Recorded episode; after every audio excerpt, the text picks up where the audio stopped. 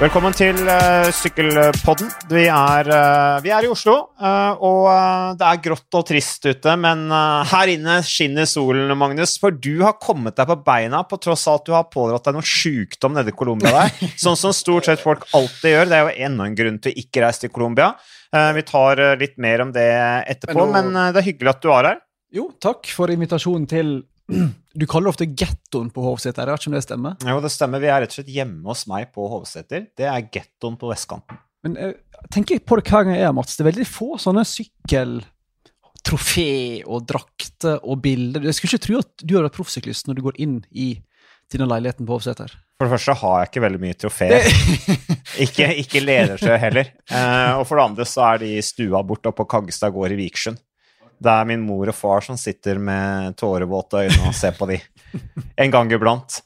Men uh, jeg skal si, Magnus, at uh, det, er, uh, det, er, jo veldig svakt panel når det bare er meg og deg. Men jeg tenkte, du har jo tross alt vært ute i verden nå? Jo, men jeg er litt sånn redusert, da, apropos det der viruset du snakker om i Colombia. Så jeg håper ikke det der koronaviruset. Det hadde vært kjipt. Ja. Uh, Iallfall for min samboer, som skal liksom, prestere og sånt. Jeg har ødelagt ett mesterskap for henne før pga. sykdom. Uh, det var vel EM i i 2018. Ja, Men hvor lenge hadde dere vært sammen da? Nei, 2018, nei, et års tid. Ja, ja, ja. Nei, for ofte, Det er jo derfor man beholder seg til én kjæreste man er utøver. For Hvis du roter mye rundt da, og kliner mye med forskjellige og sånne ting, så er det lettere for å bli sjuk, for du blir på en måte immun mot din egen kjæreste. Hvis du bare har hoppa lenge nok. Jeg har jo et immunforsvar på høyde med Lars Petter Noreg på det verste. Han ble sånn alltid sjuk i mars der. Jo, stemmer det. Jo, så um, vi håper at det ikke er noe sånt. Koronavirus det kan du jo dø av, til og med. Hadde vært litt dumt. Så, jeg har hørt det var noen som døde av det i dag, faktisk. Så, men begynner å gå oppover nå, da. Det er dårlig midt i Colombia der. Og så Colombia, som forresten var et meget fint land. Altså, jeg, jeg er jo litt sånn uh, Hva skal jeg si uh, Livspessimist og blasert vestlending, så det er veldig få ting som imponerer meg i, i verden lenger. Det er veldig dårlig egenskap, egentlig. da. Men Colombia var faktisk ganske kult. Sjelden møtt så mange hyggelige folk. Eh, jeg er ofte skeptisk til folk òg. Eh, men der var alle var mm, åpne, hyggelige, smilte. Alle var interessert i sykkel, selvfølgelig. God stemning. Så det var en um, kul tur og et kult land. Vi bodde i Bogotá, som visstnok er ganske farlig. Opplevde ingenting av det. Så det kan vi anbefale, faktisk. Nei, Jeg har jo sittet og sett på Narkos nå, så jeg tenkte at uh, det er jo, du kan jo ikke reise til Colombia. I hvert fall ikke alle disse syklistene. Uh, og de har jo politieskort og alt dette her, uh, som de jo gjorde mye ut av. Men ja, nei, folk sier, andre folk jeg har snakka med som har vært i Colombia, sier også at det er veldig fint. Ja, nei, det var helt, helt overlegent. Så nå har jeg kryssa ut Colombia på den derre to do-list. Aldri vært der før. Veka før kryssa jeg ut Sverige på to do-list. Min aller første tur til nabolandet i en alder av 31. Skal du dit igjen, eller? Til Sverige? Ah, for helt ærlig så må jeg jo si at Sverige ligner veldig på Norge. Høres kanskje overraskende ut. Mm, men det, var, det var litt rart. Men det var liksom ikke det helt store sånn turistattraksjonen Falun, Dalarna, Finnskogen. Det var liksom ikke Det var Nei. Det var sånn passelig. Men jeg må til Stockholm en gang, jeg skjønt. Jeg hørte at det er en ganske fin by. Men det var gøy å få, få krysse av to land som jeg aldri har vært i. Du stoppa ikke på grensa og kjøpte bacon? Nei, som sagt, jeg er plassert vestlending som liker kvalitetsvare og betaler gjerne prisen det koster. Mm. da handla du kanskje i Colombia òg, da. Men uh, over til noe helt annet. Uh, vi skal til Vuelta Algarve. Vi, tar det. Vi, vi, skal snakke litt om Colombia etterpå. Uh, I og med at du tross alt har vært der, Magnus, og det var et fantastisk sykkelløp. Og det er en utrolig ramme rundt det sykkelrittet. Og vi har den norske suksessen vi skal snakke om. Men Vuelta Algarve pågår nå, as we speak, er faktisk etappe to i gang. Vi hadde første etappe i går, som ble vunnet da av Fabio Jacobsen. Nederlandske mesteren fra The Cunnick Quickstep, som vinner men han har vunnet to etapper i Spania rundt på høsten, og liksom fortsetter trenden da i Tar med seg den gode given inn i 2020 foran eh, Elia Viviani og Matteo Trentin. Kristoff ble nummer fire. Kjempa som bare det der, tappert aleine som han var. Og Daniel Hoelgaard, gledelig, ble nummer ni. De klarte denne ambisjonen om å bli topp ti. Gøy å se. Jeg syns det jo brakte en litt sånn ekstra ramme, dimensjon, over det sykkelrittet i går. Dette er at vi hadde et eget norsk lag. Hva tenker du om det, Magnus? Det var jo kult, da. Jeg tror folk får det med seg. Jeg tror vanlige folk liksom skjønner at det er noe annerledes nå enn det var før. Uh, og det er gøy å på en måte alltid ha ett lag du følger litt ekstra med på, istedenfor at du har Kristoff på UAE og Edvald på Dimension Data og Eiking på Vanti. At du har liksom ett lag du er obs på. Så det er veldig kult å se. Men jeg syns det er litt kjipt at du ser Kristoff må bruke um, veldig masse krefter før spurten går. da. Han er jo helt alene. Det var for så vidt planen, det tror jeg. Jeg tror ikke det var noe sånn... De sendte jo ikke noe dedikert opptrekkstog med han ned til Portugal. Men har han hatt det i år i det hele tatt? Da? Nei, sant. og du, du ser på en måte at Er ikke det en sjans, tendens? Jo, det er en tendens, og sjansene for å vinne da blir jo deretter. Han brukte altfor masse krefter før spurten i går, uh, og sånn må det jo bli, dessverre. A-laget har de tydeligvis sendt til UAE, med Pogacar og Gaviria og Ulissi og Richese og co. Det var jo Alex i fjor. Nå er han ikke der. Uh, nå er han i Spania isteden. Første gang han unngår Midtøsten i sesongoppkjøringa siden 2010 eller 2011. Men det er litt sånn, litt sånn irriterende for oss med norske å se at rytterne bruker opp masse kruttet før det virkelig gjelder. I fjor var han i UAE-tour, så vidt jeg husker, og mm. trakk opp spurter for Gaviria. Gaviria. Mm. Uh, så sånn sett så er det jo kanskje positivt.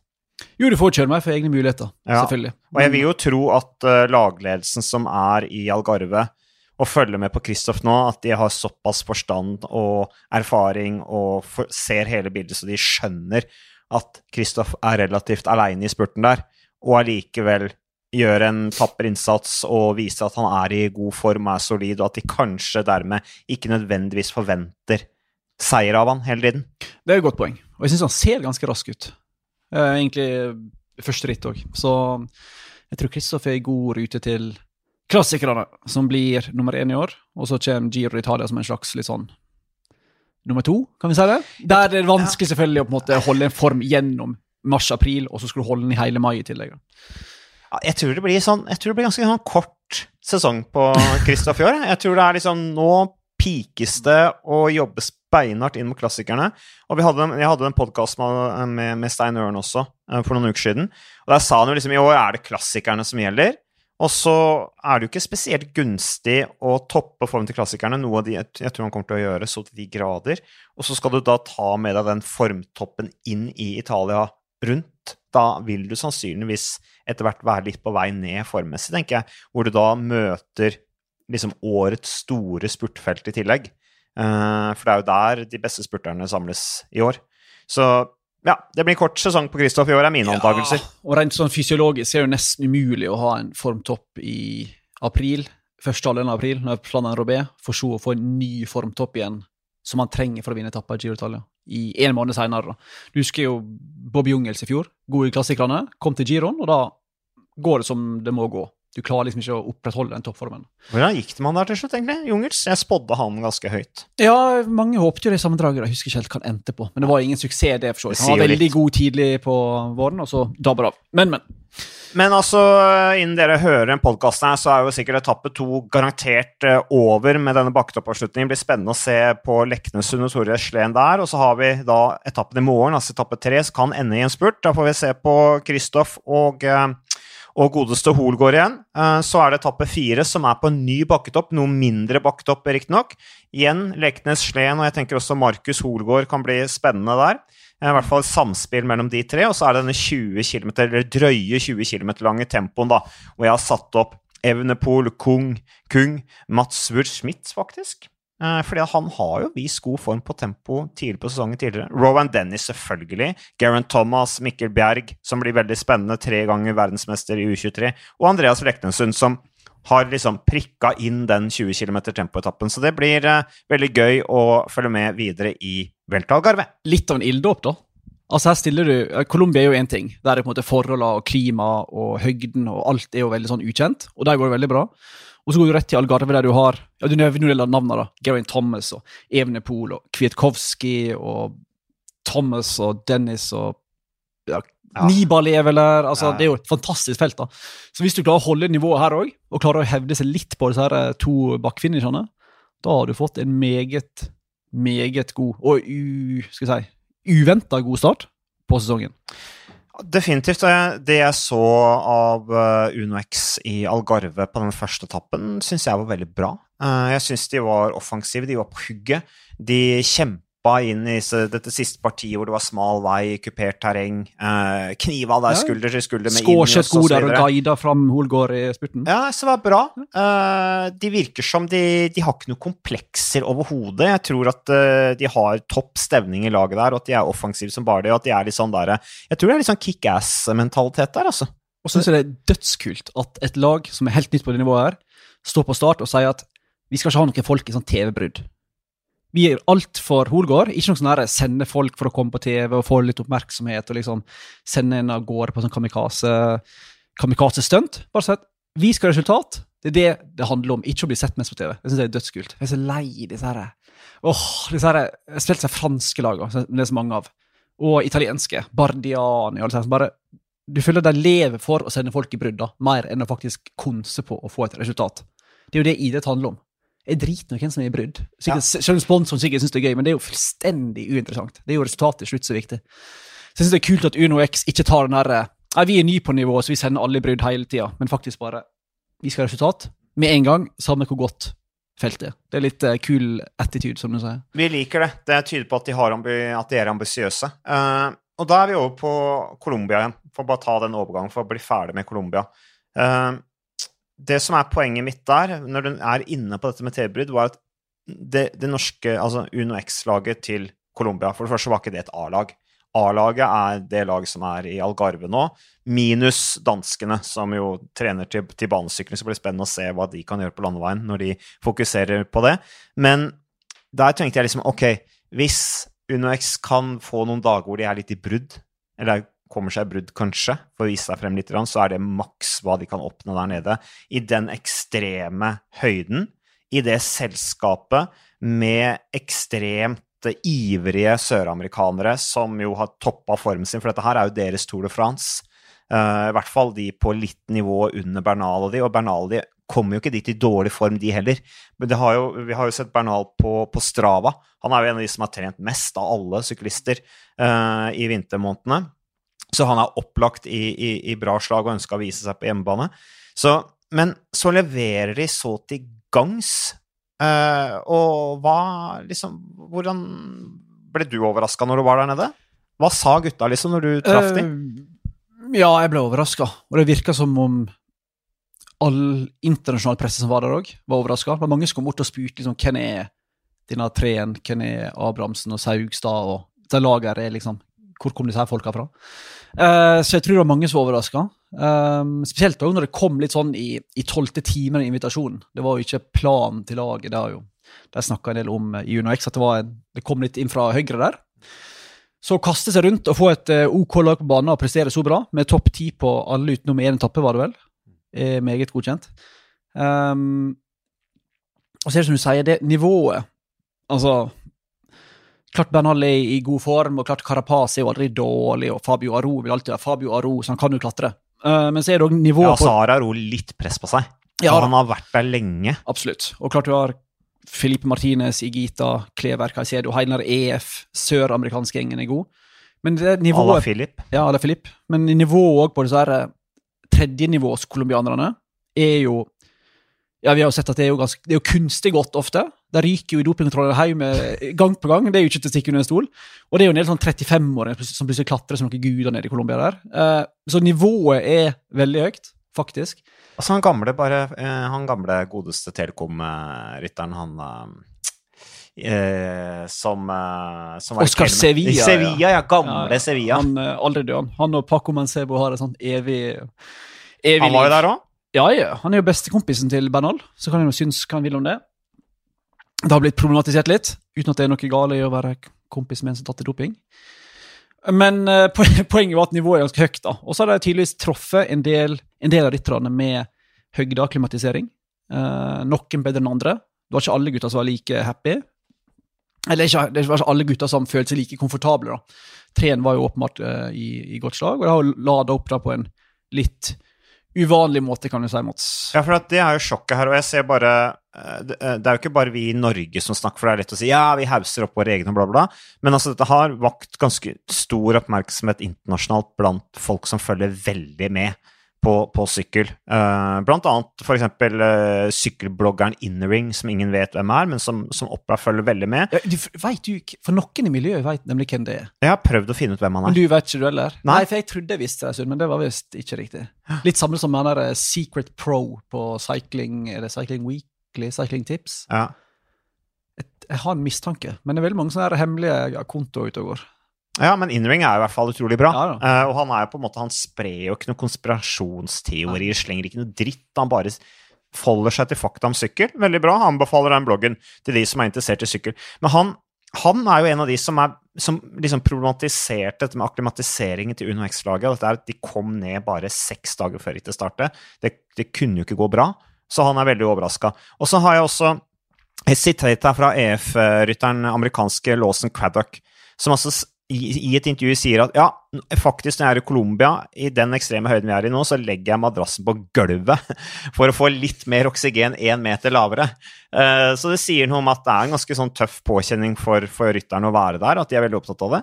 Uh, og så er liksom Ja, hvordan i all verden fiksa da Træn den, den akklimatiseringen så bra?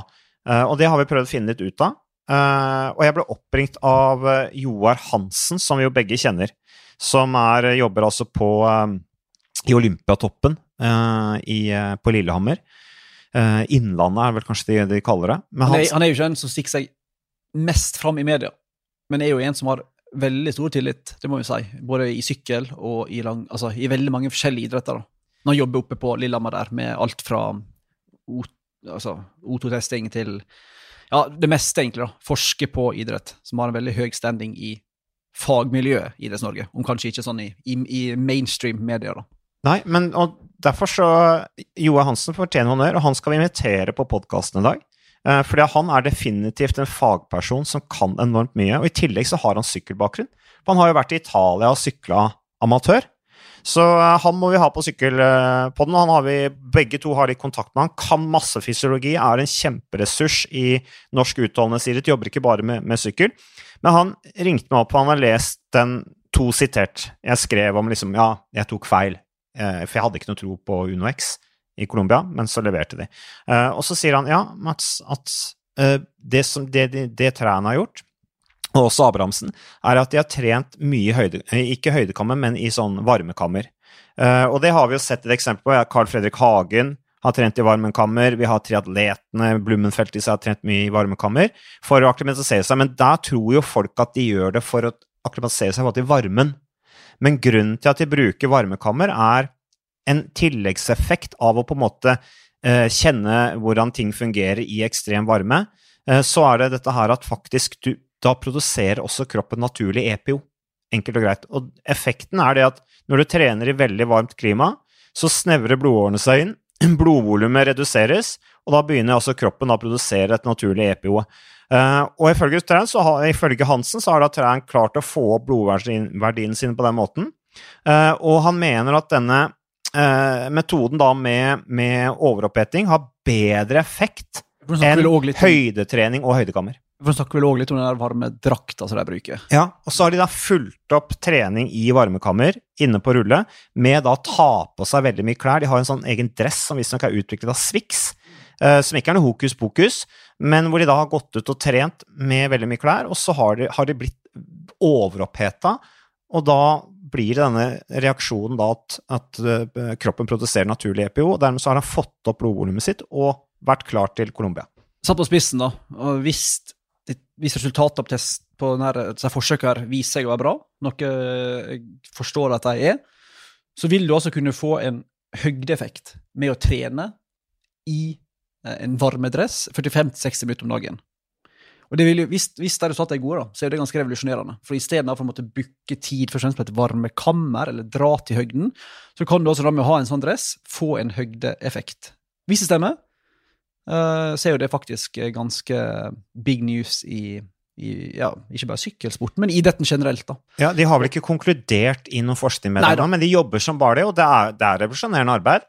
Eh, og det betyr jo også at man, eh, man, trenger ikke så Man trenger ikke å reise opp disse sære høydepollene sånn som man må gjøre. Kjempebelastning for familiefolk osv. Uh, og en annen ting, altså jeg kjenner meg igjen, for jeg husker når jeg kjørte Tour Down Under i 2006. Da var det 40 varmegrader hele tida. Jeg var der i tre uker, kom hjem, og jeg var jo i kanonform. Så sannsynligvis var det den effekten, det også. Jeg tror en del av triatlongutta har brukt samme. Og så har vel Holgård brødrene Leknessund. Vært med på deler av testprosjektet, i alle fall med varmekammerprosjektet, tror jeg. Så var vi der oppe husker jeg, i desember. Da møtte vi Erik Heikstad, terrengsyklisten, som er med på samme, samme prosjektet. Så ganske mange av gutta har brukt det. da. Og da har brukt det på samling, tatt med seg vestene rundt. da. Så hvis det kunne hjelpe treen til å takle høyden bedre, så er jo det um, godt nytt både for han og for forskningsmiljøet og for lag og for hele gjengen. Men det er rett og slett revolusjonerende mm. arbeid. Eh, så det syns vi er kjempespennende, og det er altså, tror vi, er noe av forklaringen på at Tran klarte seg såpass bra i fjellene nede i Colombia som det han gjorde, i tillegg til at han er lett. Eh, han, eh, han, har trent over mange år, vært tålmodig, og begynner nå å bære fruktene av det. Og så blir det jo spennende å se på Tran, som helt sikkert er i veldig bra form, om han klarer å holde formen. Eh, eller om dette her er en formtopp som, eh, som, blir vanskelig å gjenta. Det blir også selvfølgelig ekstremt viktig nå hvordan de gutta Én ting er akklimatisering til Colombia, men nå er det akklimatisering tilbake, restitusjonen. Dette her at de får hvilt seg godt nok og restituert seg etter den tøffe belastningen de opplagt uh, var, var med på i de dagene i Colombia. Så det blir spennende å se. Um, No, jo, det var bare én ting jeg bare så på Theis Magelsen, som jo uh, er, uh, er uh, også journalist i procycling.no og reporter på, på, Eurosport. Han henter opp høydetallene. Topp ti her fra Colombia. Higita som vant, 1495 meter over havet, altså det er der han er født. Uh, Martinez er født på 2565 meter over havet. Caicedo 2800 meter over havet. Bernal 2650 meter over havet. Flores 2590 meter over havet. Montana 3030 meter over havet. Derav navnet Montana, kanskje. Chávez 2640 meter over havet. Agirre 3180 meter over havet. Og så er det Træn, da, som er født rundt Heradsbygda er vel rundt 200 meter over havet. eller noe sånt. Uh, og så er det Henao 2125 meter over havet. Det er topp ti, altså, fra Colombia rundt. Ja, og du ser jo, veldig mange er jo fra dette um, Boyacá-distriktet. Altså, du har Bernal er jo fra Sipakira, samme byen som Brandon Rivera, la kompisen inn i oss. Samme byen som han der Og Hva heter han? Han uh, Castiblanco på Team Illuminate. Det er en del fra Zipakira, og så har du en del fra Quintana sitt område, som er liksom én time lenger nord, rett nord for Bogotá, oppe i Combita, der du har Quintana Gutta, Cayetano Sarmiento, hvis du husker han. Han var jo fra samme område. Og så har du liksom Igita, Gaviria og de gutta der, som er litt lavere i landet, som er fra Medellin-delen, som er sånn sju-åtte timer lenger borte. da. Men du har liksom jeg vet ikke, det, det kryr jo. Du nevnte noen navn her på topp 10-lista. Flores og Montana og Agirre og ganske sånn ukjente navn. Det bare dukker opp nye sykler. Det er liksom sånn Quickstep sitt spurtlag. Bare, hvert år bare dukker opp nye folk ut av intet, nesten, og alle leverer. da. Så det er et eller annet rart de driver med nedi Ikke rart, det var ikke sånn meint. Det er et eller annet de, bra de driver med i Colombia, som klarer på en måte å fostre syklister. Helt vanvittig kvantum, da. Det er jo nye folk eh, nesten hver eneste dag som dukker opp derfra. Så um, Colombia kan fort få et slags verdensherredømme innen sporten her om noen få år. Men eh, Colombia har jo litt eh, sykkelkultur å slekte på. De hadde jo en gang et landslag faktisk som deltok i, i Tour de France på, på 70- eller 80, begynnelsen av 80-tallet. 83, tror jeg. Mm. Når, 83? Ja, jeg tror det var først. Ja. Uh, de hadde Lucho Herrera og disse her som jo var på en måte Fabio sånn Parra, som så veldig Parra, gammel ut i Tyskland. Han så veldig gammel ut. ble vel kalt den gamle og ble sånn der. ja, han så sliten ut. Han sto på skikkelig harding, men Han så jeg faktisk nede i Colombia. Han så lik, altså, så sånn hadde fryst alderen sin fra han var aktiv. Så fortsatt, så fortsatt gammel ut, men han hadde på en måte ikke tapt seg så masse. da. Han ble kalt El Viejo, den gamle, når han sykla på 80-tallet. Og nå begynner han å bli steingammel. Ja. Vi så han pioneren for colombiansk sykkel, Cochise Rodriguez, som sykla på slutten av 60, tidlig 70, som Eddie Merx. Han var så meget sliten ut der han satt i en bil og hilste litt sånn surt på alle som skulle ha selfier. Så de lever nok noe harde liv, disse gutta nede i Colombia. Men det, det, må jeg si, altså, apropos selfier.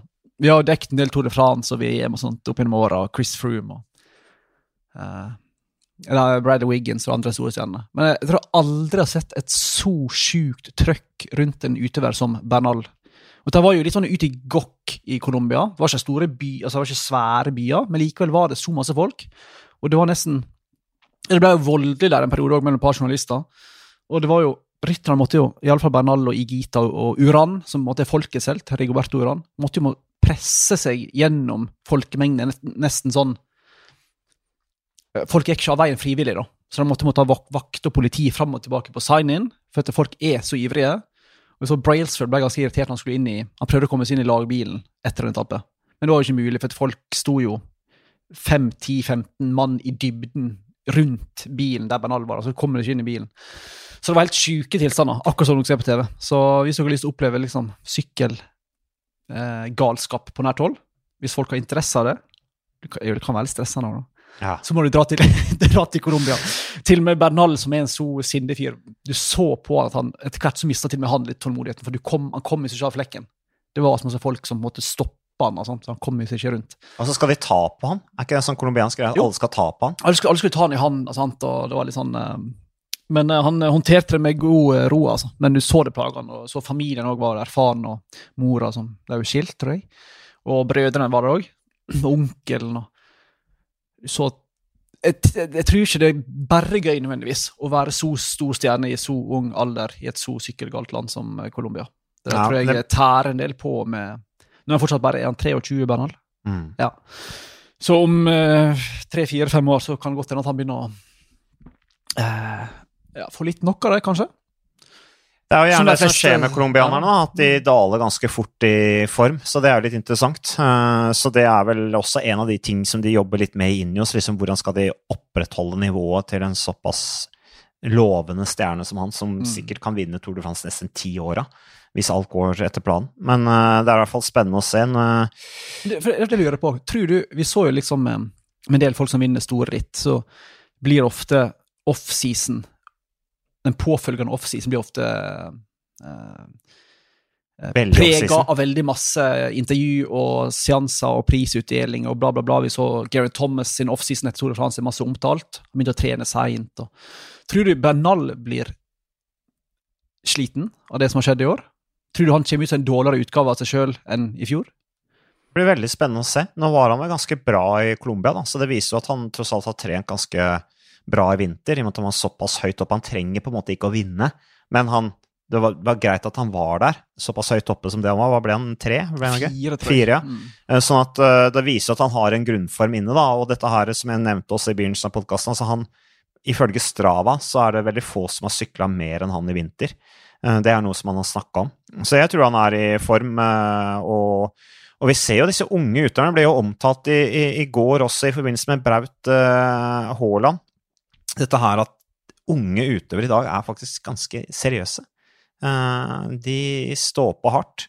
Uh, og de, det er på en måte de, Og det snakka jeg med Stig Kristiansson om. De, de, unge utøverne de er sånne små professorer uh, som er ekstremt opptatt av fysiologi og hva skal til for å prestere best mulig. Veldig interessert i på en måte fagfeltet.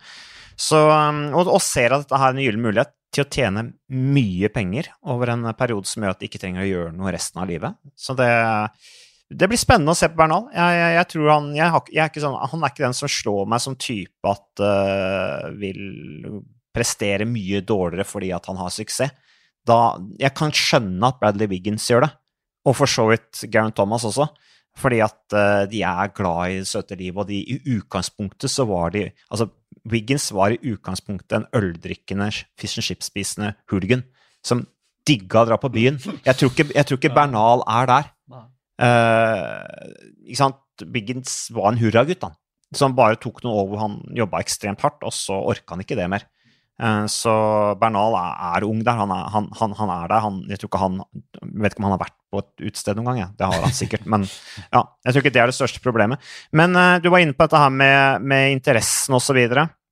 Uh, uran er jo også utrolig populær. og De spøker jo med det nede i Colombia at han kan, han kan stilles til presidentvalg og er såpass populær at han har en god sjanse der. Uh, det var snakket om dette med omfanget av Colombia rundt, i og med at det nå ikke er noe California rundt lenger, som for øvrig er et stusslig sykkelløp i forhold til Colombia rundt hva gjelder folkeliv. Men et fint uh, sykkelløp på mange måter. Nå er jo ikke det lenger, og da blir jo dette her kanskje det største, eller definitivt, sier folk, det største sykkelløpet på det amerikanske kontinentet. da. 320 presseakkrediteringer som ble gitt ut til 20 ulike nasjoner, i et egentlig ganske, til et egentlig ganske lite sykkelløp. Så det er gøy. 20 ulike nasjoner, sa du? Ja. ja. For når vi var der, så vi vel egentlig vi så vel Cycling News. Og så noen få fra Ecuador og Venezuela, men ellers var det stort sett colombianske medier. Ja. Men, men, det, det, er det arrangørene går ut med. da. Ut med. Så, eh, og, og, også EF Education sier jo det at liksom populariteten rundt uh, uran var så ekstrem at han måtte ha seks vakter rundt seg etter, etter lagpresentasjonen inne på denne stadion. Så Ja, han har liksom en sånn status som en sånn ja, en folkets mann. Han, jo, han har jo eget klesmerke og er jo mer, blir jo kalt Mick Jagger, for han ligner på han. Han er jo en slags sånn rockestjerne.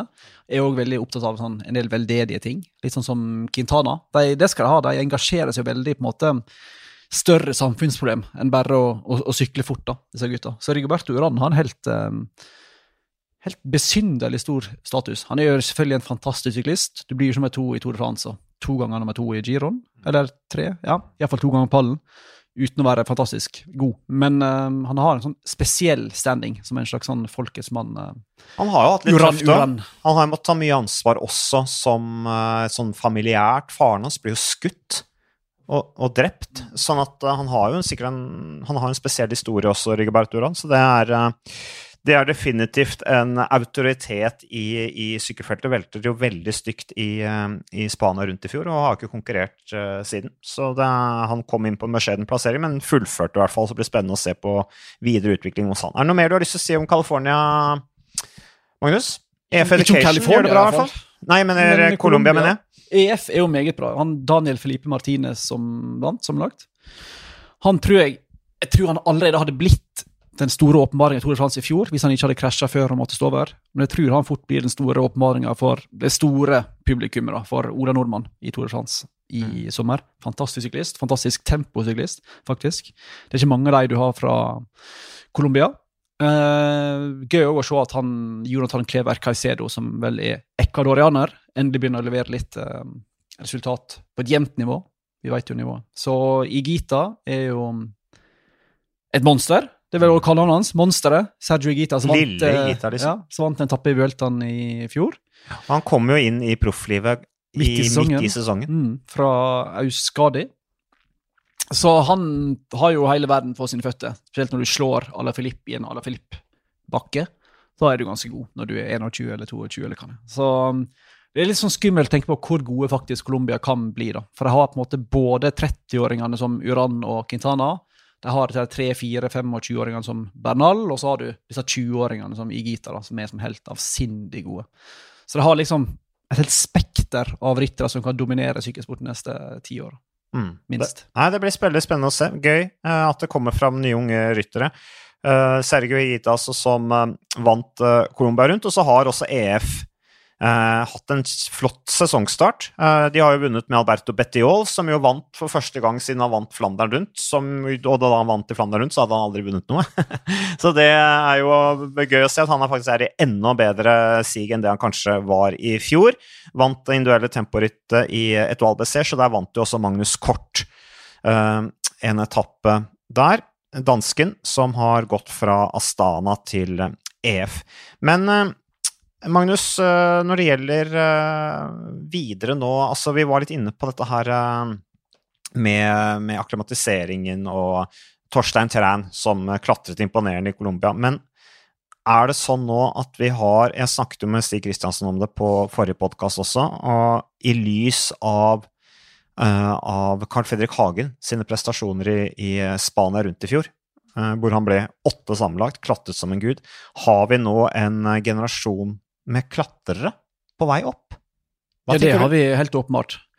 Både fra ja, Carl Fredrik og Eiking og Lunke og ned til Foss og Leknesund og Treen og Abrahamsen og Idar Andersen kan klatre bra. Det er veldig mange som kan klatre bra. der. Så det er jo helt åpenbart et uh, generasjonsskifte. Og så spørs det jo liksom hvor masse en har lyst til å si at dette er et bevisst skifte, eller hvor masse det har med tilfeldigheter å gjøre. For jeg tenker jo gjerne på at Sykkel-Norge har hatt stort sett folk som er gode spurterklassikere, fra Kurt og, og um, Edvald og Thor og Alex og co. Men du hadde jo òg en generasjon før der igjen, sant? Med, med Jostein Wilman, med og Nå var det kanskje ikke Janus Kuhm norsk-norsk, men han kunne jo klatre bra. Atle Kvålsvåg kunne klatre bra. Olaf Lurvik. Så du har jo hatt generasjon... Dag Otto. Lauritzen vant på toppen av Lusard i den. Ja, ja. Han var god Ja, allrounder, altså. Han var god, absolutt god allrounder. Kunne klatre bra på sin dag. Mm. Han slo vel Lucho RR, gjorde han det, opp til Lysard i den? Jo, han gjorde det. Jo. Han kom jaktende bak. Er det noe den mannen ikke kan?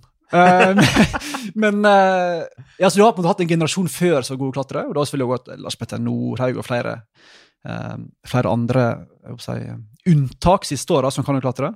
Men du ser jo en åpenbar dreining mot det nå, da. Uh, grunnen Noen mener at det har med strategiske prioriteringer i forbund og på klubblag. Eh, noen mener at det er tilfeldig, at du ser svingninger i generasjoner, på samme måte som du ser i, i Spania nå, der du har en dårligere generasjon klatrere enn du hadde før. Eh, samme i Italia. Um, så det er vanskelig måte å si hva som er den spesifikke grunnen til at du plutselig har det. Men det er jo åpenbart at en del av disse gutta har hatt ikke bare Tor Hushovd som forbilde, men òg sett opp til typer som Chris Froome da, og, og disse gutta her. da. Men det er sikkert annerledes nå enn det var når du var aktiv, vil jeg tro. Hva tenker du på?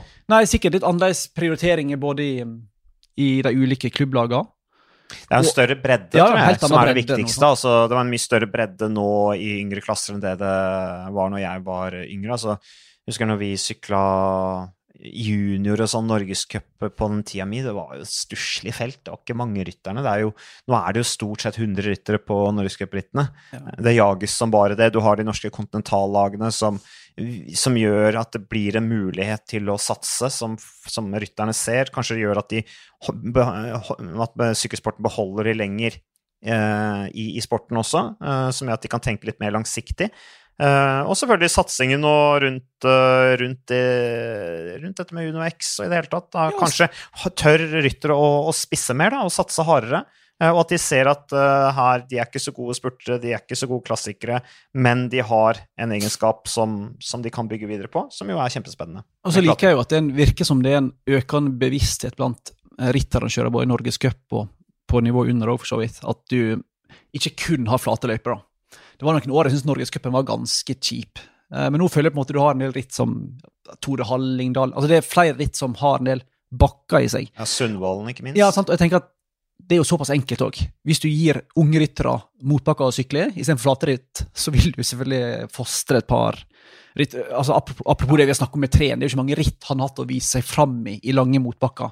Det har han i- ikke så veldig mye i Norge heller. Han har jo Hallingdal, selvfølgelig. Men, ja, men jeg føler på en eh, måte det er en økende bevissthet. da. At Ja. vi må kunne tilby de unge rytterne i Norge et større spekter av løyper. Mm. Men nå møter du jo aldri altså sånn, Ta Tor Lavenir som eksempel, da, det de møtte i fjor? Med, med, med Foss som vant der samla, det var en sensasjon. Det sier jo veldig mye om den generasjonen som kommer opp. En nordmann har aldri vunnet Tor Lavenir før. Uh, og hvis du ser på resultatlistene derfra, de historiske resultatene der, så skjønner du at det er en stor bragd. Men du vil jo aldri få den type fjell uh, i Norge. Så, Hvorfor, ikke det? Nei, altså, fordi løyp, altså, Sykkelritt går ikke i de områdene. Nei, men jeg mener, jeg må, jeg må jo på en måte kunne oppmode litt uh, opp til miljøet oppe i Romsdalen. Eresfjorden har et bra sykkelmiljø. Eh, på, I mine heimtrakter, i Sogn og Fjordane, altså, og lenger sør, i Hordaland. Det er jo fantastisk mange flotte bakker å arrangere sykkelløp i Norge. Men det er nesten kun på sånn mosjonsritt en har Lysebakken. Altså, en, det er veldig mange gode muligheter. Men det er som du sier, det, det virker ikke som det er noen midler eller mm, spesifikk interesse til å arrangere ritt på et visst nivå i den delen av Norge der det er masse bakker å ta av. da. Nei, og Én ting er jo sykkelritt, om det går et og annet norgescupritt opp noen lange bakker, er én ting, men en, en annen ting er hva de trener på.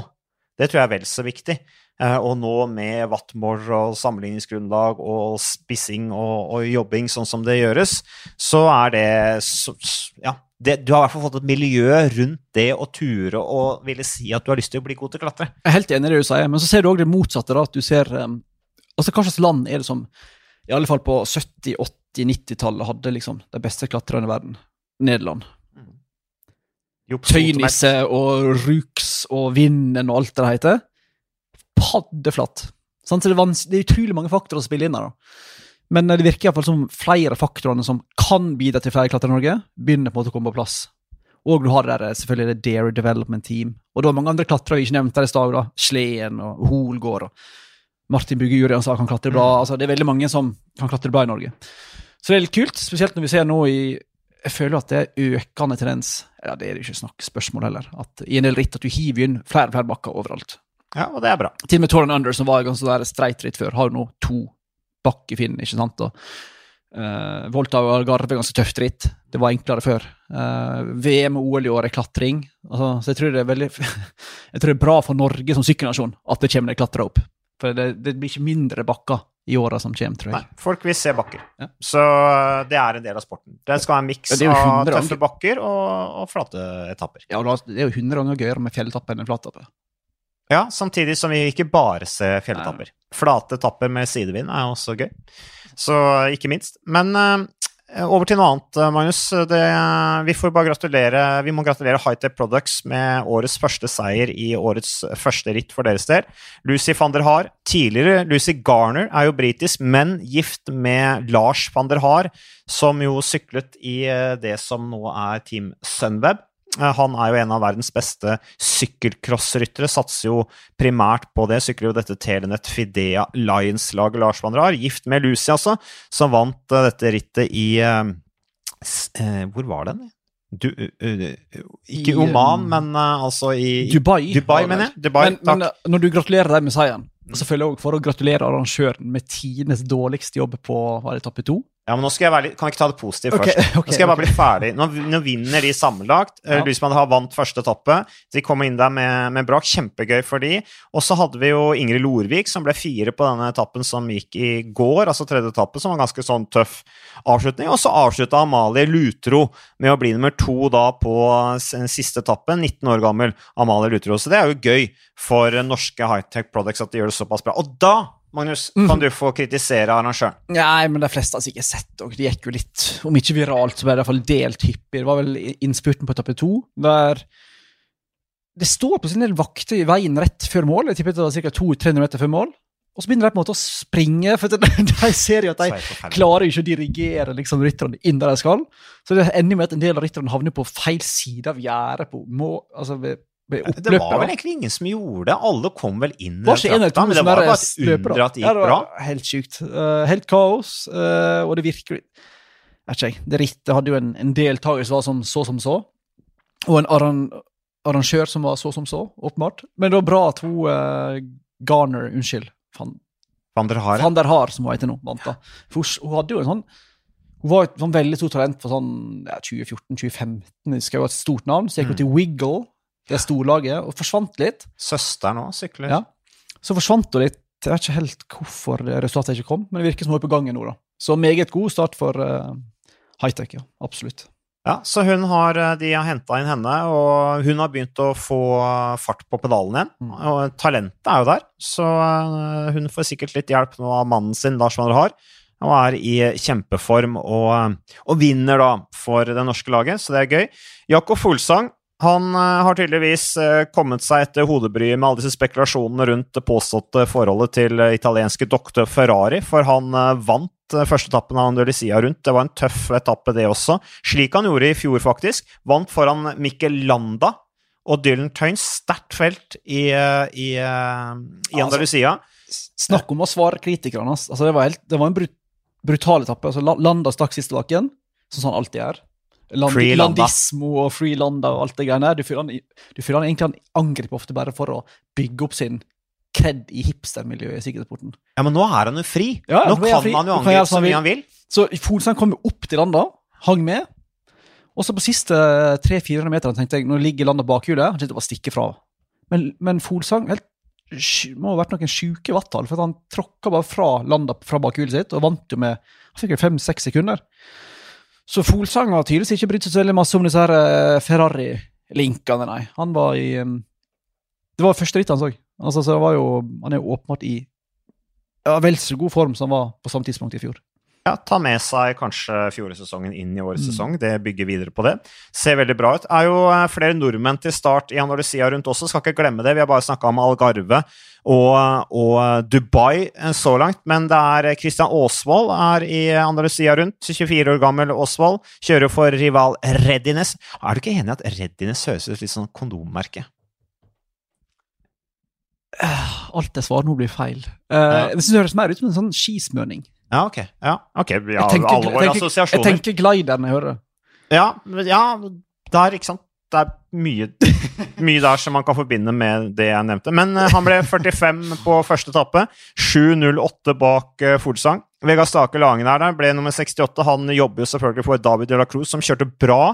David de la Cruz som eh, har sitt eh, første år i eh, UAE etter litt tid i eh, Team Ineos.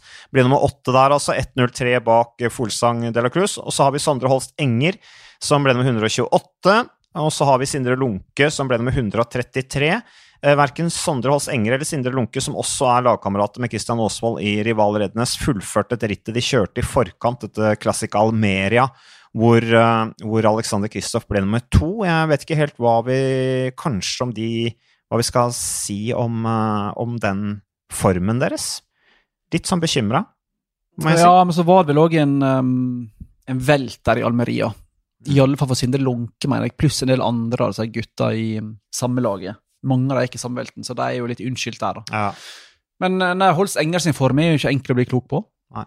Det må vi jo kunne si. Åsvold er ikke noe brukbart slag. Mm. Um, og Men ja, hva, hva Holst Enger um, Hva som foregår der, vet ikke jeg, men resultatet så langt har ikke vært noe å, å skrive hjem om, i alle fall. Det tror jeg Såpass ærlig må vi si, at det ikke har vært helt store.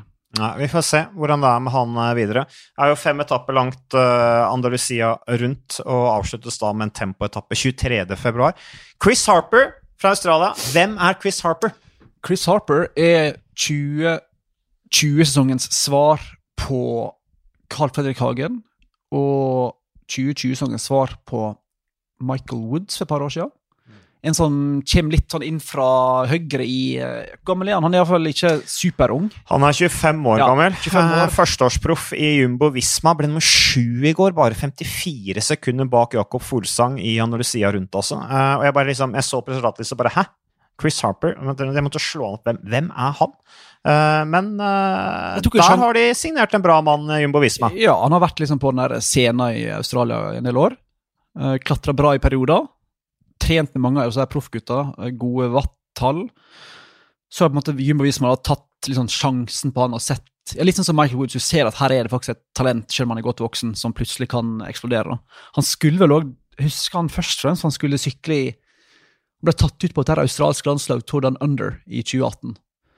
Men så har de glemt å registrere utøverne sine i det der, eh, i Adam-systemet. Du må jo være inne i den der registered testing pool seks måneder før du kan delta i et World Tour-ritt. Mm. De hadde glemt å få han inn der, som måtte stå over, eh, og de tok på seg skylda for det. da. Men Ja, da, han det, var det, det var der Lance Armstrong bare ringte. ja, han fikk unntak, selvfølgelig. Ja, han han fikk fikk, uttak. Eh, men så vant han vel Jeg husker han vant uh, Tour de Savoie Mont Blanc Ja, i fjor, med sånn seks eller sju minutter på nummer to. Det var helt sjukt. Så han har jo åpenbart uh, kjørte bra i Tour of Utah i fjor òg, husker jeg. Eh, så han har veldig gode enkeltperioder. Og hvis Jumo hvis man klarer å få han til å bli stabil, så kan hende de har klart å, um, å si, lage gull av gråstein, for å være litt um, tabloid. Po Potensialet ser ut til å være der, i bakkene iallfall. Han er sånn som de plutselig kan sette inn i Spania rundt sant, på slutten av sesongen og kan være med der. Sånn, sånn Sepp Kuss-type, tenker jeg. Eh, At de har funnet en ny sånn, eh, sånn gull da, som de kan eh, utvikle, og som kliner til fra første tråkk som, som proff. Han sykla bedre enn Tollock i første etappen i Andalusia, som egentlig var kapteinen. Jeg var litt skuffa over han Harper i Må vant to-etappen i Provence. Mm. Men det virker som klart du, har, du trenger selvfølgelig tid for å finne din plass i feltet på et nivå. Så. Han trengte kanskje et ritt for å komme Mm. skikkelig i gang.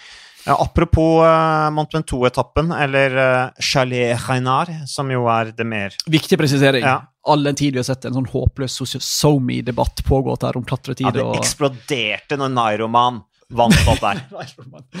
Ja, for Quintana var jo tilbake til på sitt uh, Nei, jeg vet ikke. Ikke sitt gamle gode, men iallfall på sitt godt nivå. Vant.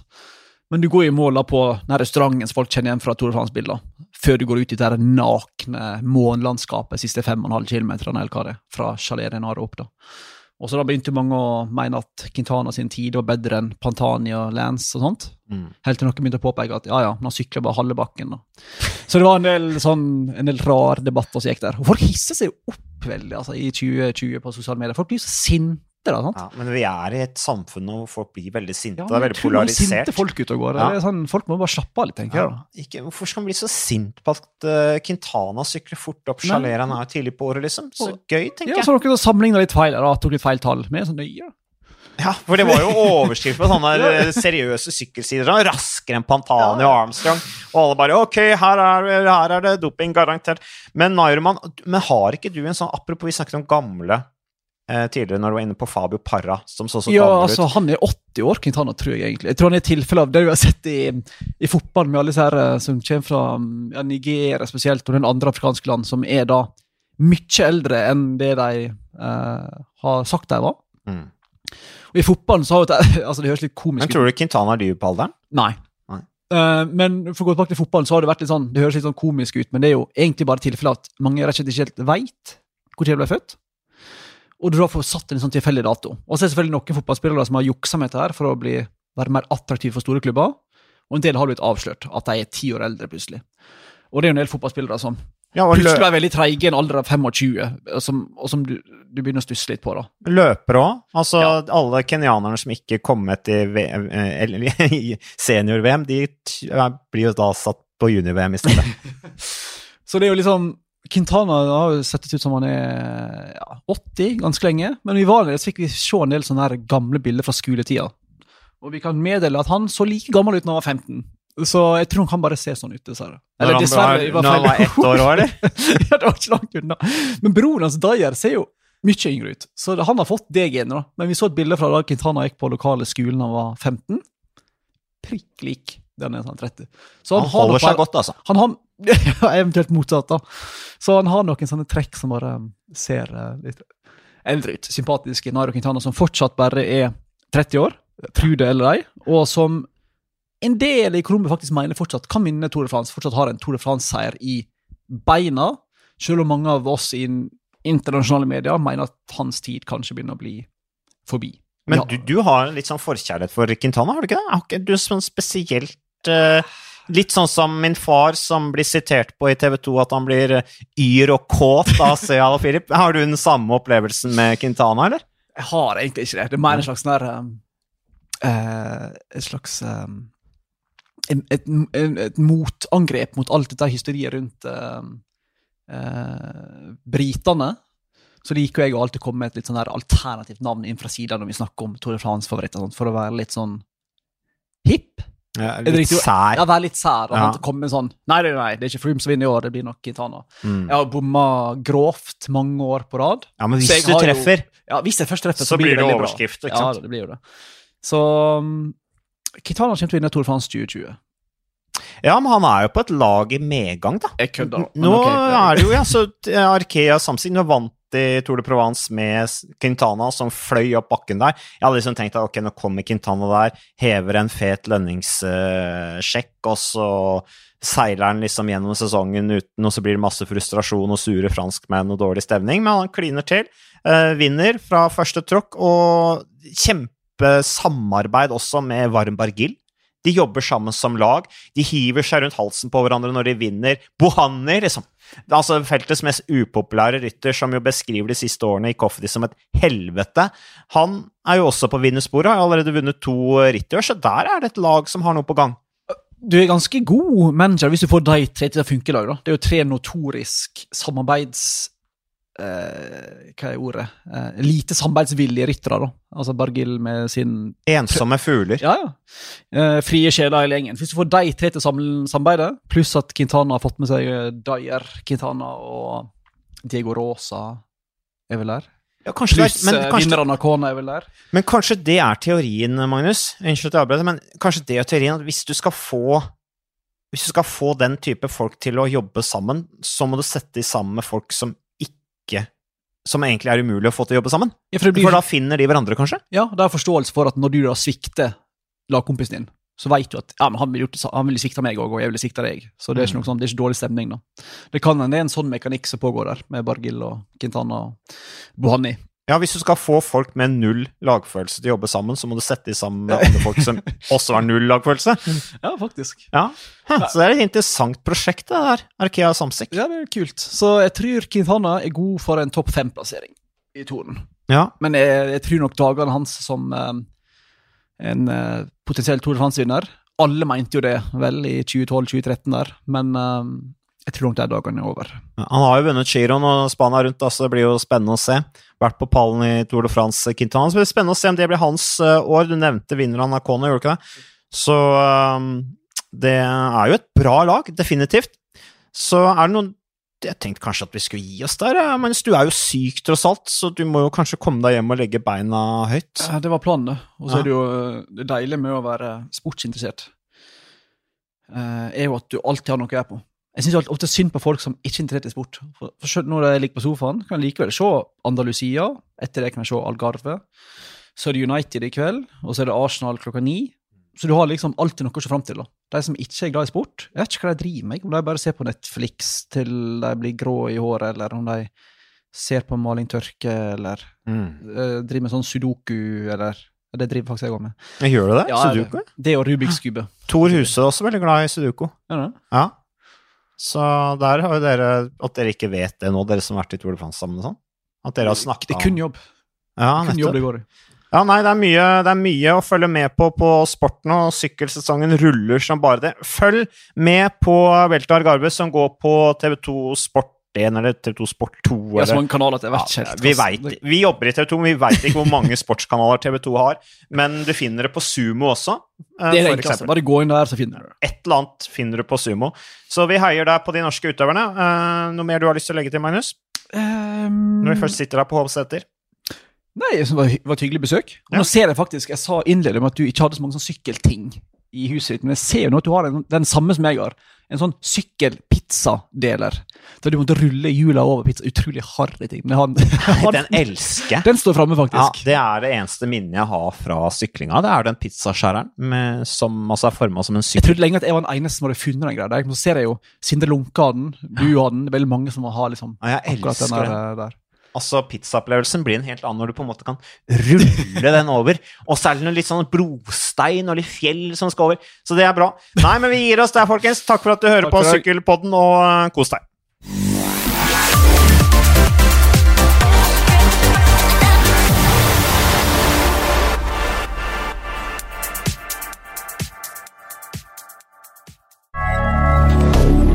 Moderne media.